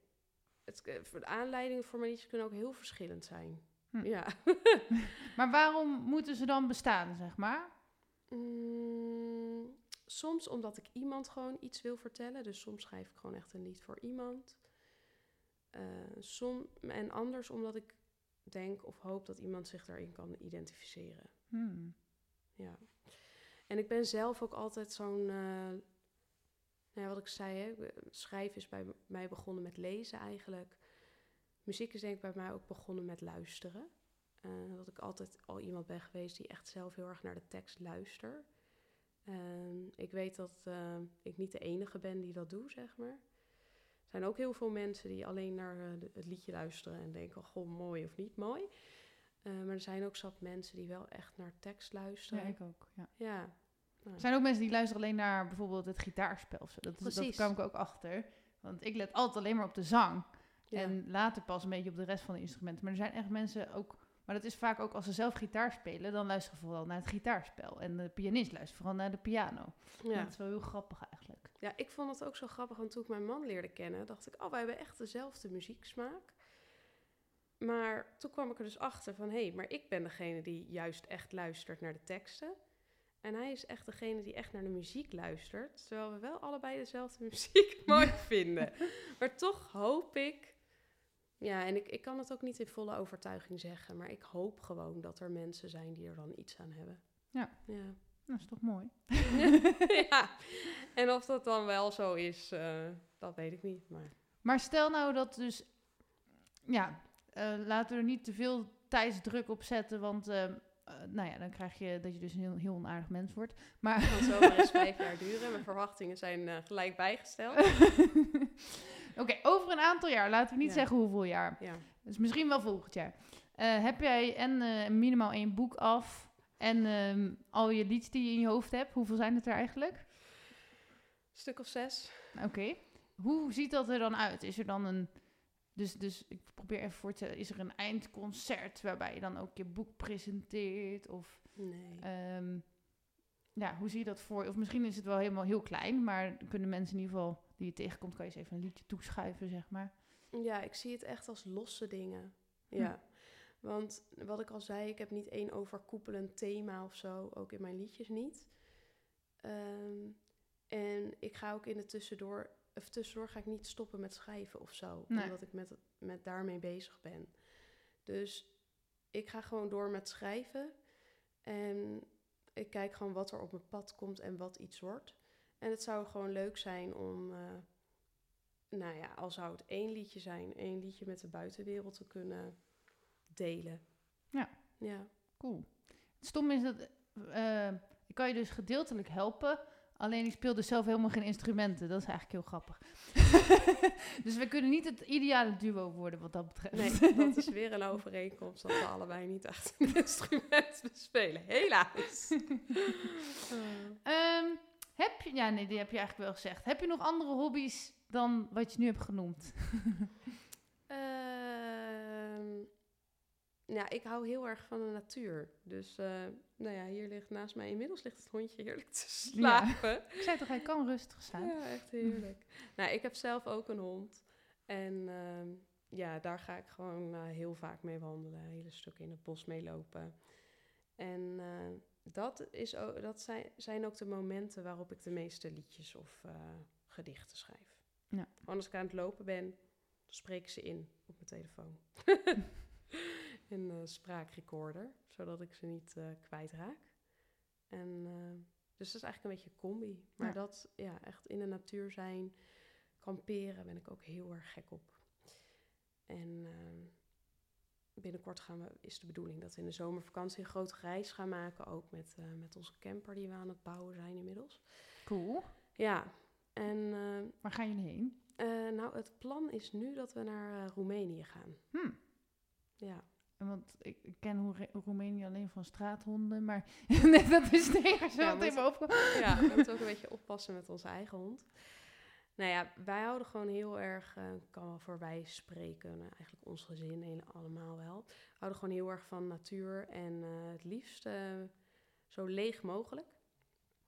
En als je kijkt naar in de buurt, dan is Roemenië gewoon een ontiegelijk groot land waar je echt nog hele stukken natuur hebt waar, ja, waar je niemand tegenkomt, zeg maar. Dus dat lijkt ons gewoon heerlijk om, met de camper te doen. En houden ook van wild kamperen en zo. We hoeven geen, eh, lekker zo basic mogelijk. Zo dicht mogelijk bij de natuur. En eh, ja, dat. Ik word gewoon al rustig als je erover praat. Ja, heerlijk hè? Ik zie er ook onwijs naar uit. maar heb je dan ook niet... ehm, nou ja, zeg maar, ik kan op zich wel kamperen, maar langdurig vind ik dan... Ben ik altijd al mijn spullen weer kwijt natuurlijk. En dan, eh, weet ik veel, dan vind ik het irritant dat je helemaal... Ja, wildkamperen is nog anders. Maar dat je helemaal naar zo'n toilethokje moet gaan lopen en zo. Heb je dat helemaal niet? Hmm, nee, denk het niet. Nee. Mijn man heeft het nog minder dan ik. Ik vind het ook wel, eh, wel lekker om dan weer thuis te zijn, bijvoorbeeld. Ehm, hij eh, heeft na één uur al zoiets van, nou, eh, wat doen we hier, zeg maar, als we Ja. thuis zijn. Maar ik heb niet als ik onderweg ben... eh, nee, ik kan niet, je hoeft mij niet in een hotel neer te leggen of in een huisje. Dan heb ik ontiegelijke heimwee. Hm. Dat kon, dat, daar ben ik pas sinds een paar jaar achter dat ik dacht, oh, dit is dus eigenlijk gewoon heimwee wat ik heb. Ja. Maar zolang ik mijn eigen hebben en houden mee, eh, mee heb, al is dat mijn eigen kussen en mijn slaapzak, dan kun je me overal neerplanten. En dan eh, mis ik niks. Nee. dus je bent gewoon heel erg gehecht aan je kussen en je slaapzak. Ja, gewoon iets van mezelf. Ja, gewoon mijn eigen. Ja. Geur. Ja, ik, ja zoiets.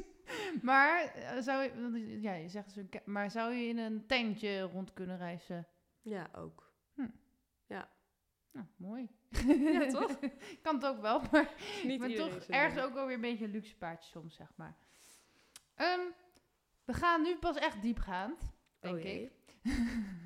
Waar geloof je in? Ja, waar geloof ik in? Ik, ehm, ik geloof in God. Ik geloof ehm, in Jezus. Ehm, maar ja, hoe kan ik dan samenvatten waar ik precies in geloof? Ja, ik kan, ik kan wel zeggen dat ik geloof in de genade die, eh, die Jezus heeft eh, voor ons. Ja. Ja. En ehm, ja, ik heb vroeger godsdienst gestudeerd, dus op zich zou ik wel begrijpen wat je bedoelt. Maar aan de andere kant, ten eerste, luisteraars die er helemaal niks mee hebben, denken Ja. ook, dit zo wel. En ten tweede, Ja, wat is het nou eigenlijk genade? Ja. ja, ik geloof denk ik in het besef dat deze wereld niet perfect is. Mhm. En ehm, dat er gewoon een heleboel rotzooi en shit is in deze wereld eigenlijk. Ehm, maar dat wij als mens wel mooi geschapen zijn, gemaakt zijn. Ehm, en ehm, ja, ik geloof heel erg dat ik eigenlijk alleen maar kan leven doordat ehm, Jezus zijn leven voor mij gegeven heeft. Mhm. Ja. Dat is wel echt wat ik geloof. En ik zei van tevoren van ik, ik zit hier niet om te evangeliseren. want Ik vind het altijd een beetje ongemakkelijk. Mhm. Maar het is wel mijn, eh, mijn waarheid. Ja. waar Nee, maar daar... ehm, Ja. Ja, ik heb, ben sowieso, er zal daar nooit iemand op voordelen. maar, maar ik weet wel, christenen staan natuurlijk bekend als, oh, ze willen iedereen eh, overtuigen. Ja. Nou, dat is voor mij eh, niet de, de boodschap inderdaad van deze podcast. Als je het wil, mag het van me, maar ik bedoel van, dat is niet... Maar ik vind het vooral echt interessant van, hoe zien mensen dat? Hoe kunnen ze daar zo van overtuigd zijn? En dat anderen dat ook misschien begrijpen. Dus Ja. mensen die nu echt denken van, ah, christelijk geneus, ik zet hem niet uit. Moet je vooral doen. Maar ik vind het altijd leuk om heel geïnteresseerd in mensen te zijn. Dus ehm, ja, hoe, ja, dus het is heel dubbel, want ik weet eigenlijk heel veel over geloof. Ja. En tegelijkertijd, ja, waarom zou Jezus dood moeten voor jou? Dat is Ja. toch onzin? Ja, nou ja, ik geloof ook heel erg dat wij als mensen niet alles kunnen begrijpen. nee. En ehm, ik vind dat zelf ook echt een bevrijdend iets. En Ja. ik denk ook echt dat het iets is waar we als mensheid niet naar moeten streven. Dat we alles maar moeten begrijpen. Mhm, Want er zijn gewoon zoveel dingen die ons verstand te boven gaat. mhm. Ehm, dat geeft mij zelf ook gewoon een stukje rust van, oh ja, ik hoef het niet allemaal te begrijpen. Ehm, ik ben getrouwd met iemand die niet gelovig is. Hm. En ehm, toen heeft ook wel eens iemand tegen mij gezegd, iemand die dicht bij mij staat, van, eh, ja, maar wil je dan niet dat hij ook naar de hemel gaat? Nou, toen, eh, nou laat ik het zo zeggen, dat heeft me behoorlijk pijn gedaan. Ja. Eh, daarom zou ik ook de laatste zijn die iemand gaat proberen te overtuigen of zo. Ehm, ik geloof dat we allemaal als mens mooi gemaakt zijn. En ehm, dat God ons een vrije wil heeft gegeven eh, om te doen wat we zelf denken dat goed is of wat we willen doen. Ik geloof wel dat er dus een heleboel shit is in deze wereld. En ehm, ja, ehm, waarom dan per se Jezus moest sterven, Mhm. weet ik ook niet. Nee. Nee. Ik kan eigenlijk alleen maar denken wat waanzinnig dat hij dat gedaan heeft. Mhm. Ja, Ja. Maar je had ook, eh, weet ik veel, hindoeïst kunnen zijn of ja. ja. Ja. Hoe kan het dan dat je dit gelooft? Ik bedoel van, ik snap dat je niet alles begrijpt. Nee. Maar ja, ik begrijp ook niet alles. Maar ik eh, geloof niet opeens dat, weet ik veel, eh, honden kunnen vliegen, zeg maar. en dan kun je zeggen, ja, maar, eh, dat kan je niet begrijpen. Nee, daarom geloof ik het ook niet. Dus dat vind ik niet echt een overtuiging dat, dat me uitlegt waarom jij dat dan gelooft. Ja. Nou ja, ik geloof het omdat ik het voel. Ja. Maar ja, dat is ook zoiets. Ik geloof ook heel erg dat geloven op allerlei verschillende manieren tot iemand kan spreken. En bij Mhm. de een is dat gevoel, nou ja, wat ik al aan het begin zei, ik ben ook echt een gevoelsmens.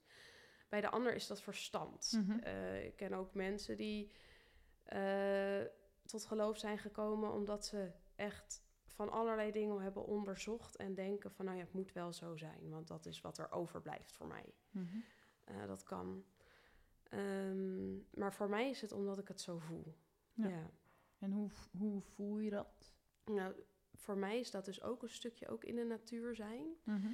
Omdat ik zelf als, eh, als eh, ja, in een christelijk gezin zeg maar opgegroeid ben, heb ik no- voor mijn gevoel nooit echt dat, eh, ja, ik noem maar Eureka momentje Mhm. gehad van, oh ja, dit is het helemaal. Ik, ik word nu christen. Nee. Ehm, Zo'n moment dat je tot geloof komt, dat vond ik vroeger heel erg lastig. Want dan ging ik naar een doopdienst en dan vertelde iemand van... eh, nou, een heel prachtig eh, verhaal van Mhm. eh, hoe diegene was bekeerd. Of dan kijk ik zo'n verhaal van iemand die nu in een gevangenis zit, maar, of zat. maar nu vrij is en in de gevangenis tot Jezus is gekomen. En nou ja, je kent het misschien. Mhm. En ik heb dat dus nooit gehad. De enigste momenten waarop ik weet van, oh, toen besefte ik echt dat ehm, Jezus er is en eh, dat ik door Hem gered ben, zijn de momenten waarin ik eigenlijk ontroerd raakte door de natuur. Mhm. Ehm, ja, en ook wel, ik heb ook wel eens een moment gehad, dat staat me ook echt heel helder voor de geest, ehm, dat ik voor iemand wilde bidden en dat ik, ja, daar eigenlijk, dat me dat niet goed lukte. Hm. En dat ik op dat moment, tenminste, ik wilde hardop bidden voor iemand, maar dat lukte me niet. Dat ik toen heel erg heb gebeden, is eigenlijk in stilte, eh, of God me wilde helpen om te bidden. En dat ik toen ineens begon te bidden. Dat ik dacht, oh, wat gebeurt hier? Hm. Ik ken ook mensen die eh, veel meer van dat soort verhalen hebben. Nou, ik heb er maar één, dat is Ja. eigenlijk dit moment geweest. Ja, en dus momenten in de natuur waarin ik dacht van, wow. Ehm, ja, waanzinnig eigenlijk. Ja. Ik zit denken- ja, ik had dus, ehm, maar dat is, voor mij is het echt een heel lang verhaal, dus dan zijn we drie podcasts verder. maar ik heb dus een periode dat ik echt vol overtuigd christen was. En, of ja, wanneer ben je dat? Maar in Jezus geloofde. En toen had ik ook wel hele bijzonder wonderlijke momenten. Alleen die waren er ook toen ik mijn geloof aan de kant schoof. en dus, dus nog steeds wonderen die ik niet kon verklaren of gevoel dat ik niet kon verklaren. Toen dacht ik, ja, ja, dan kan je zeggen, God is nog steeds bij me.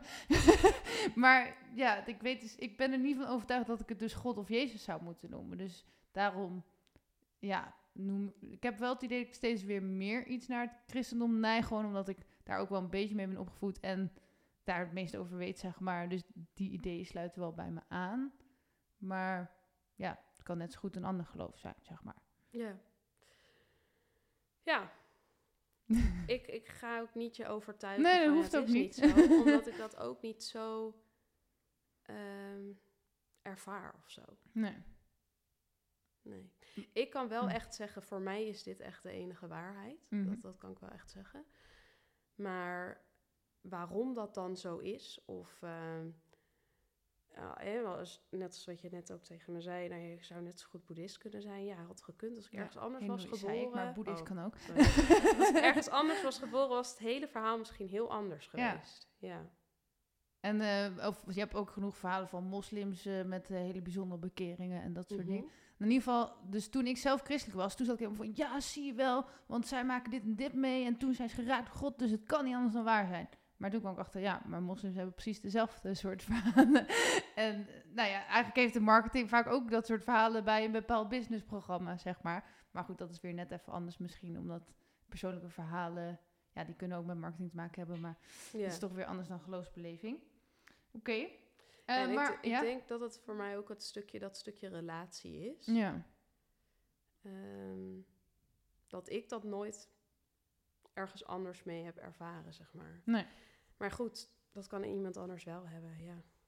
ja, maar heb je nooit een soort geloofstwijfel gehad? Ja, iedereen wel misschien wel een beetje, maar... Ja, iedereen wel een beetje, inderdaad. Ik heb nooit eigenlijk die twijfel gehad. Wel dat ik me bewust de rug ertoe heb gekeerd. Mhm. Ehm, maar niet omdat ik niet die twijfel. Nee. Hm. Want ik heb niet, als ik zeg maar nu ga bidden, heb ik niet per se het idee dat ik een antwoord krijg. Nee. Maar het kan wel. Som- soms krijg ik wel opeens een idee of zo. Maar ja, wie zegt dat dat dan van God is? Dat of misschien is alles wat ik denk wel van God. Want misschien regel ik mijn eigen gedachten wel niet eens. Ja, ja, ik kan zelf wel redelijk de vinger erop leggen. Als ik terugkijk van de momenten over. Toen, kon ik, toen verstond ik echt heel duidelijk Gods stem. Hm. Ehm, net zei, daarvoor zei je nog iets. Waar, Ehm, misschien mijn bidden dat ik niet gelijk antwoord kreeg. ja, oh, ik heb echt 9 van de 10 keer dat, eh, dat ik geen antwoord krijg. Ja. Ja. En heb je dan... Ga, vraag ook van, hé, hey, eh, waarom eh Ja, vraag ik ik niet terug? boos om. Oké. Ja, ik heb ook echt wel, ik ben echt soms wel eens echt boos om. Ja. Ik denk, nou lekker dan. Mhm. Soms heb ik ook echt momenten, nou ja, ik denk ieder mens heeft echt wel momenten in zijn leven waarin het echt niet goed met je gaat. Ja. Eh, nou, ik ook. Ja. Eh, ik heb echt wel eens dat soort momenten gehad dat ik echt kwaad was. Dat ik dacht, potverdorie, waarom komt er geen antwoord? Zeg gewoon welke kant ik op moet gaan of wat ik nu moet doen of Ja. iets. Ja, ik heb ook wel eens, eh, of ik heb eigenlijk altijd buikpijn. En ehm, nou ja, dus je ziet ook genoeg mensen die dan met gebedsgenezing bezig zijn en dat soort dingen. Ja, dan hoop je toch maar dat dat kan of zo, weet je. En dan eh, heb ik echt een moment gehad dat ik heel veel, met heel veel pijn in bed lag. Me helemaal depressief en eenzaam voelde. En zelfs dacht dat ik dood zou gaan. Ja, en ik voelde niet echt dat er een God was of zo. Ik ging wel proberen te bidden, maar gebeurde eigenlijk niks op dat moment. In ieder geval, nu is het weer goed, dus misschien... ja, ik heb nog steeds buikpijn, maar... Ja, dus dat vind ik dan wel... En dan denk ik, nou, dan heb ik eigenlijk liever dat hij er niet is, want dan heb ik in ieder geval... Dan ben ik niet door God verlaten, maar dan was hij er gewoon. Ja, precies. ja. Ja, nee, dat- ja, dat snap ik. Ja. En ik denk, ieder mens heeft die momenten. Mhm. En ehm, dat je echt radeloos bent en denkt, eh, waarom gebeurt er niks? Waarom wordt het niet beter? Ehm, ja, en waarom, ik ben ook eh, een beetje allergisch voor die eh, opmerking van, ja, God geeft je alleen wat je aan kan. Nou, de mensen in de oorlog, die, eh, hebben, die kunnen, zijn zo sterk. Ja, er zijn ook helemaal geen christenen die een le- einde aan hun eigen leven maken of zo. nee. Het gebeurt allemaal niet, want eh, ja, ze krijgen alleen maar wat ze aan kunnen. nee. Maar dat vind ik dus ook, eh, dat je heel vaak hoor je dan van die eh, wonderen of zo. Maar niet alleen met christendom hoor, maar gewoon mensen die dan zeggen van... Ja, dit is er gebeurd, dat is er gebeurd, dus ik ben echt een gezegend mens. Dan denk ik, ja, oké, maar waarom zijn anderen dan geen gezegende mensen, zeg maar? Ja, Dus dat, dan is het best wel onrechtvaardig hoe God het verdeelt. Ja, het, het is onrechtvaardig, maar niet hoe God het verdeelt. Dat is mijn visie erop. Ja. Ja, ik zie het echt als er is gewoon een hele hoop shit in deze wereld. Ehm, dat is heel naar. Mhm. Ehm, maar ik geloof zelf ook echt dat God daar ook echt heel veel verdriet over heeft. Ja, maar als je echt al wetend en al kunnend bent, zou je er ook wat aan kunnen doen. Ehm, ja, dat zou je zo kunnen zeggen, maar ik geloof dat, je in de, dat God in de basis eh, ons die vrije wil heeft gegeven en dat alles daar eigenlijk uit voortvloeit. Er is, mijn inziens, nu gewoon een strijd gaande op deze wereld tussen Mhm. goed en kwaad eigenlijk, Ja. hè, zo zou je het kunnen zeggen.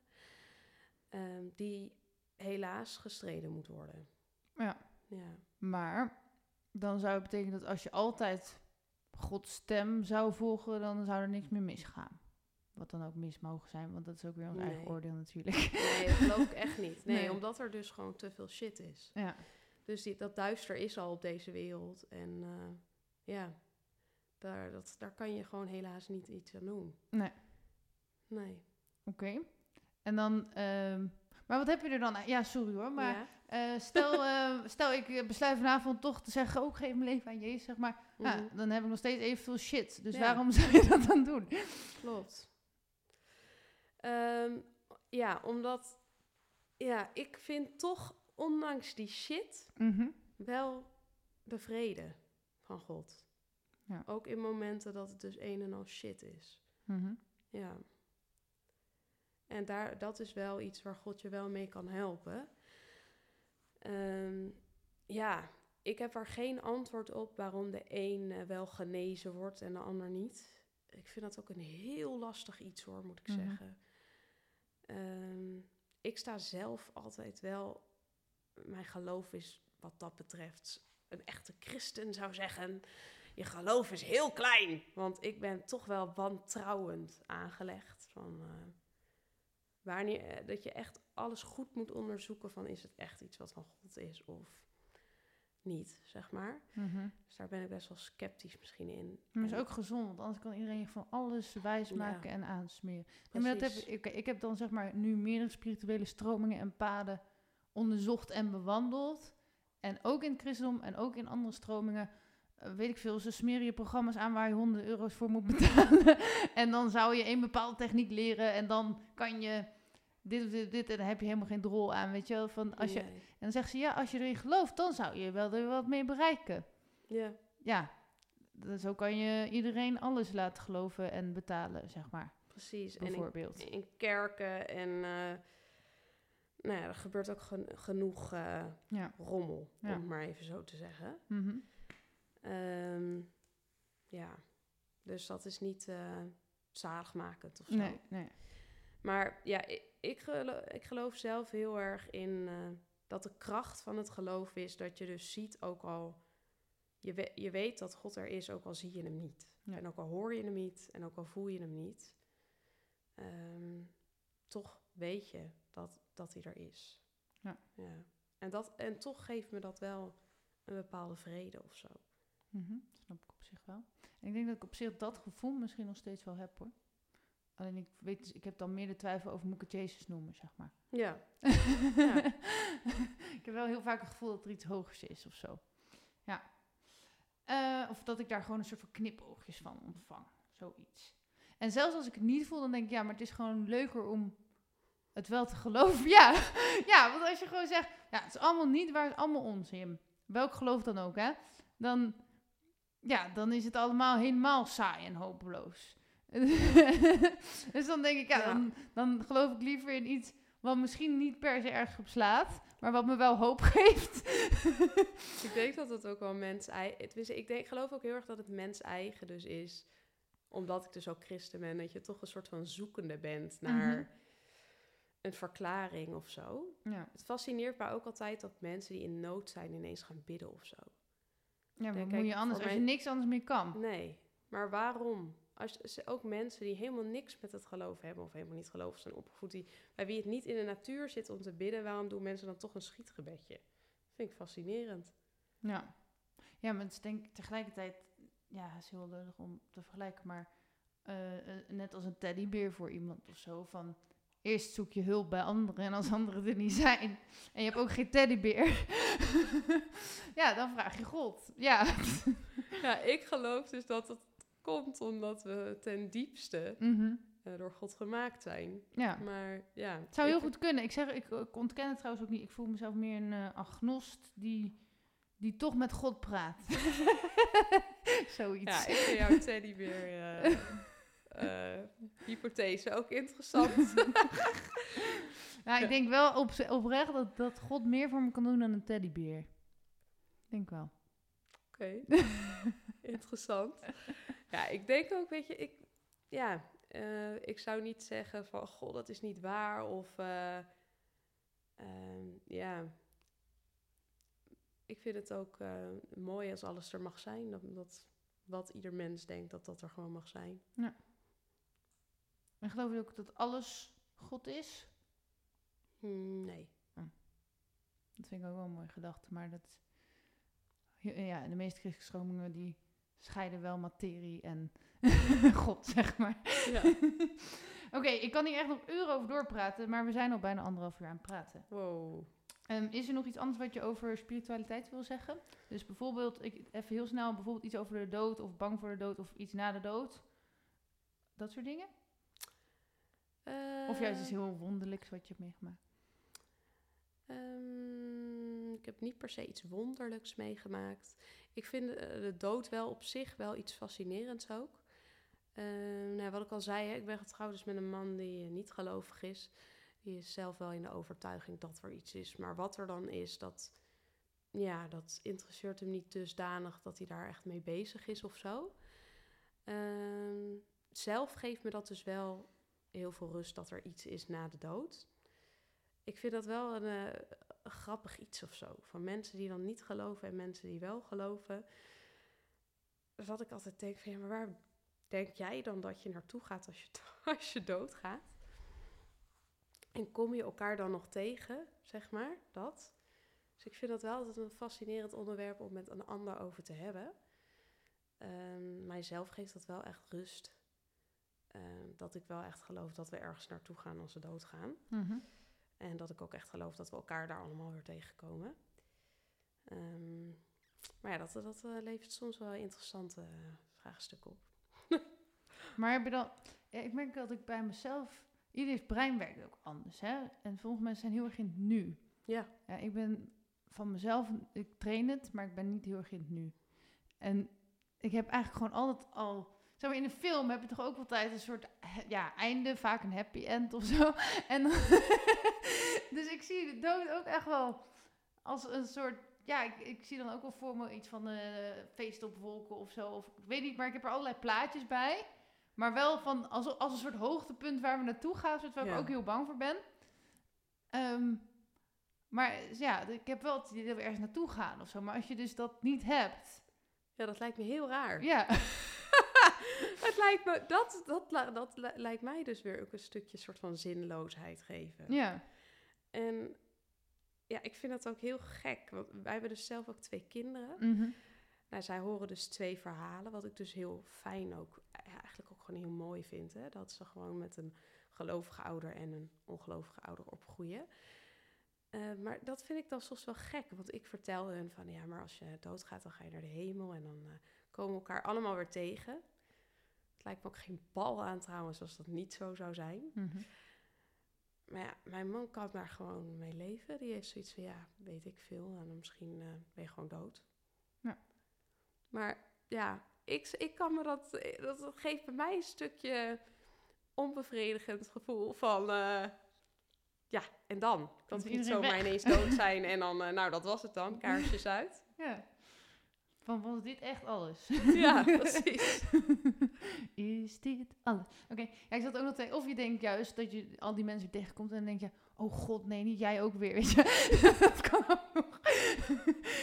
Ja, Toch? precies. Ik ben blij dat ik eindelijk van af was. Kom ik je hier weer tegen. Of ga je nu weer lopen zeuren dat ik het dit en dit niet goed heb gedaan? Ja. Precies. Maar goed.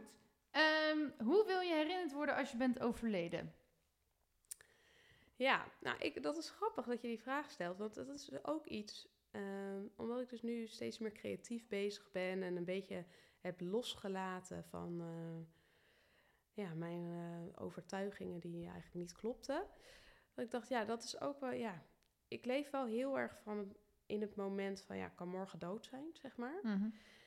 Ehm, en dan wil ik gewoon dat mijn kinderen zien dat ik eh, A, heb gedaan wat ik leuk vind. Ehm, en me dus niet, ja, B, eigenlijk niet heb aangetrokken van wat andere mensen vinden of eh, van mij verwachten. Ehm, ja, en mezelf niet heb ingehouden. Ja, dat zou ik echt zonde vinden. Mhm. En dat zou ik eigenlijk van ieder mens zonde vinden. Ehm, als je ja, je talenten niet benut omdat je denkt dat ze er niet toe doen. Dus ik hoop dat, eh, dat als ik dood ben, dat mensen denken van nou, ze heeft eruit gehaald wat erin zit. Mhm. of zo. Ja. Ja, En geeft dat ook niet een bepaalde druk? Want ik heb ook wel eens dat ik dacht, oh, ik kan echt morgen dood zijn. En dan wilde ik echt twintig dingen tegelijk doen. En toen heb ik mezelf ook helemaal oververmoeid gemaakt.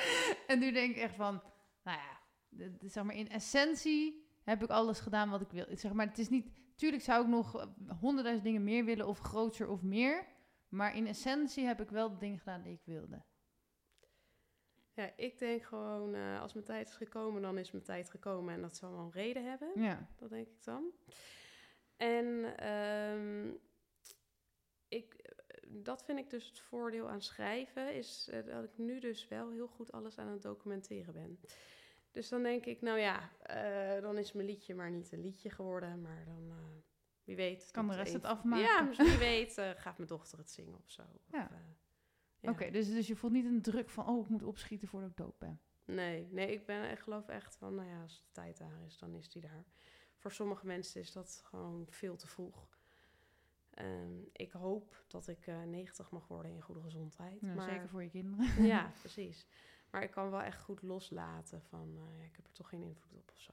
Hm. Cirkel van invloed. Ja. Ja, dat vind ik wel een mooi. eh, ja, dat leer ik eigenlijk pas sinds kort om een beetje los te laten, zeg maar. Oké. ehm, wat is je belangrijkste boodschap? Ja, mijn belangrijkste boodschap is denk ik wat ik eerder ook al benoemd heb. Van eh, je doet ertoe en ehm, houd je niet in. Ehm, nee, ik denk echt eh, waar ik dus eh, nu erg mee bezig ben de afgelopen periode is dus gewoon de talenten die ik heb ehm, gewoon gaan benutten. Ook al denk je zelf dat het niks voorstelt. Ehm, ga gewoon doen wat je leuk vindt. Luister niet te veel naar wat een ander eh, zegt. Als de ander zegt van, oh, maar je bent zo'n goede buschauffeur, je moet echt de buschauffeur blijven. Eh, maar jij wil heel graag, weet ik veel, in de slagerij gaan werken. Dan moet je dat lekker doen. je moet echt doen wat je zelf leuk vindt om te doen. Dus ja, dat. Okay. Wees niet te hard voor jezelf. Ja. Dan als laatste vraag zijn eigenlijk twee vragen. Mhm. Ehm, waar kunnen mensen je vinden die meer over je willen weten? Ja. En ik denk ehm, ook van uh, wat, waar mogen ze je voor vragen?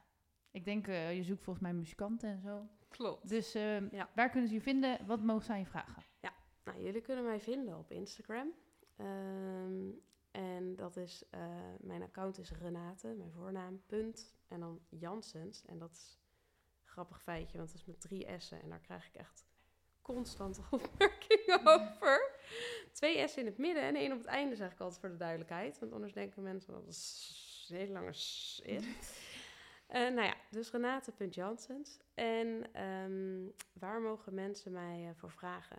Nou ja, ik, ik zoek dus zelf mensen mm -hmm. die het leuk vinden om creatief bezig te zijn. Um, en uh, in dit specifieke geval dus met muziek ik al zei, ik speel zelf nou ja, een heel klein beetje gitaar. Um, en nou ja, ik heb dus een aantal liedjes geschreven. Uh, ik zou het echt super leuk vinden als ik mensen zou treffen die het leuk vinden om met mij de muziek daarvoor te maken. Ik heb zelf de melo melodieën wel al uh, in het lied verwerkt. Maar um, ik vind het super leuk om met mensen samen te werken en dingen te verbeteren. En ik geloof echt dat als je samenwerkt, dat je gewoon dingen naar veel hoger niveau kan tillen dan wanneer je dingen alleen doet. Um, dus daar uh, mogen mensen mij zeker voor benaderen. En um, ik zoek dan niet specifiek iemand voor een specifiek instrument of zo. Um, ik had erbij gezet hobbymatig. Omdat het, uh, nou daar hadden we het net ook al over. Het is mhm. niet mijn insteek van ik wil gelijk uh, geld verdienen aan uh, mijn creativiteit of zo. Maar ik zou het gewoon heel leuk vinden om lekker aan de slag te gaan en te kijken waar het, waar het schip strandt. En um, dus ja, dan zou ik zeker zeggen, kijk op mijn Instagram naar mijn gedichtjes. Daar probeer ik echt wel elke week of om de week of zo een gedichtje op te zetten. Uh, moet eerlijk bekennen dat ik er nu ook al een paar heb opgeslagen. Waarvan ik nu denk, ja, moet ik ze erop zetten, weet je wel. Dus Hou je vooral niet in. Ja, dat, perfectionisme, dat, uh, dat bijt me soms wel een beetje. Maar nee, dus uh, volg me daar. En als het je aanspreekt, dan uh, zou het... Ja, alles is welkom. Iedereen mag me overal eigenlijk voor vragen. Ja. Nee, heb je, ja, ja. um, Nou, dat was eigenlijk ook wel een mooie quote. Maar er, er komt straks een eindmuziekje. Ik weet niet of je dat bij de andere podcast hebt gehoord. En um, misschien kan je wel zeggen welke gedichtjes je eigenlijk wilde plaatsen waar je voor schaamt of zo. Maar je mag een quote roepen uh, bij het eindmuziekje. Hij komt eraan. Bijna. Oh man, nu moet ik heel snel nog even mijn quote gaan bedenken.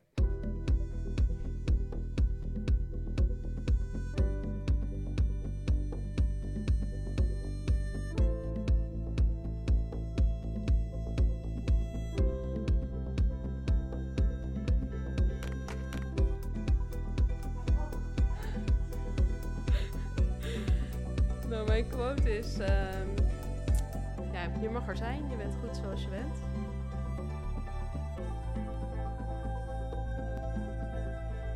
Meer weten? Ga naar belinda.nl of volg mij op Facebook en Instagram.